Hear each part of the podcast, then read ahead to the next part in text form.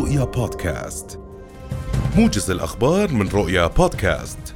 قال رئيس جمعية المستشفيات الخاصة عضو اللجنة الوطنية لمكافحة الأوبئة الدكتور فوزي الحموري إنه لم تسجل أي إصابات بمتحور أوميكرون في الأردن لغاية الآن مشددا على أن دخول السلالة الجديدة تزامنا مع الموجة الحالية يشكل تهديدا صحيا على المواطنين وأظهرت دراسة أجراها علماء من جنوب أفريقيا أن احتمالية تكرار الإصابة بفيروس كورونا أعلى بثلاث مرات من السلالات الأخرى.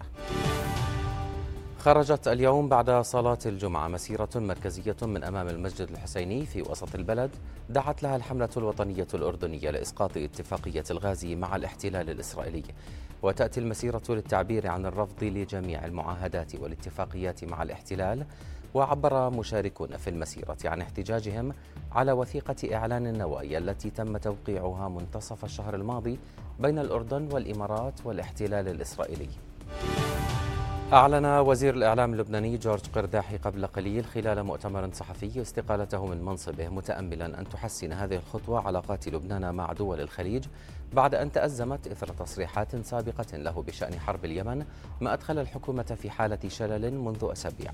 وتداولت يوم أمس وسائل إعلام لبنانية كتابا قيل إنه نص استقالة الوزير قرداحي الذي تقدم بها إلى كل من رئيس الجمهورية ميشيل عون ورئيس الحكومة نجيب ميقاتي. استشهد فلسطيني وأصيب آخر اليوم برصاص شرطة الاحتلال الإسرائيلي في مدينة أم الفحم بالداخل الفلسطيني المحتل.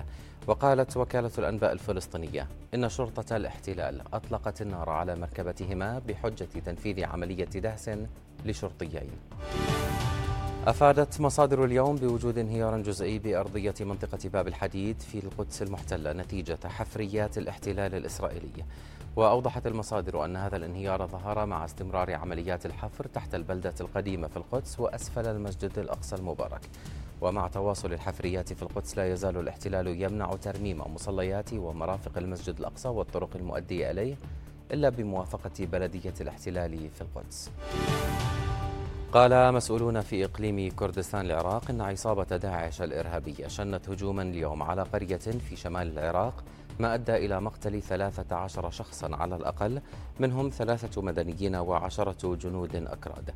وأعلنت قوات البشمركة أن مقاتلي داعش هاجموا قرية في قضاء مخمور وقتلوا ثلاثة من السكان. مضيفة أن قواتها تدخلت مما أدى إلى اشتباكات أسفرت عن مقتل عشرة من جنودها.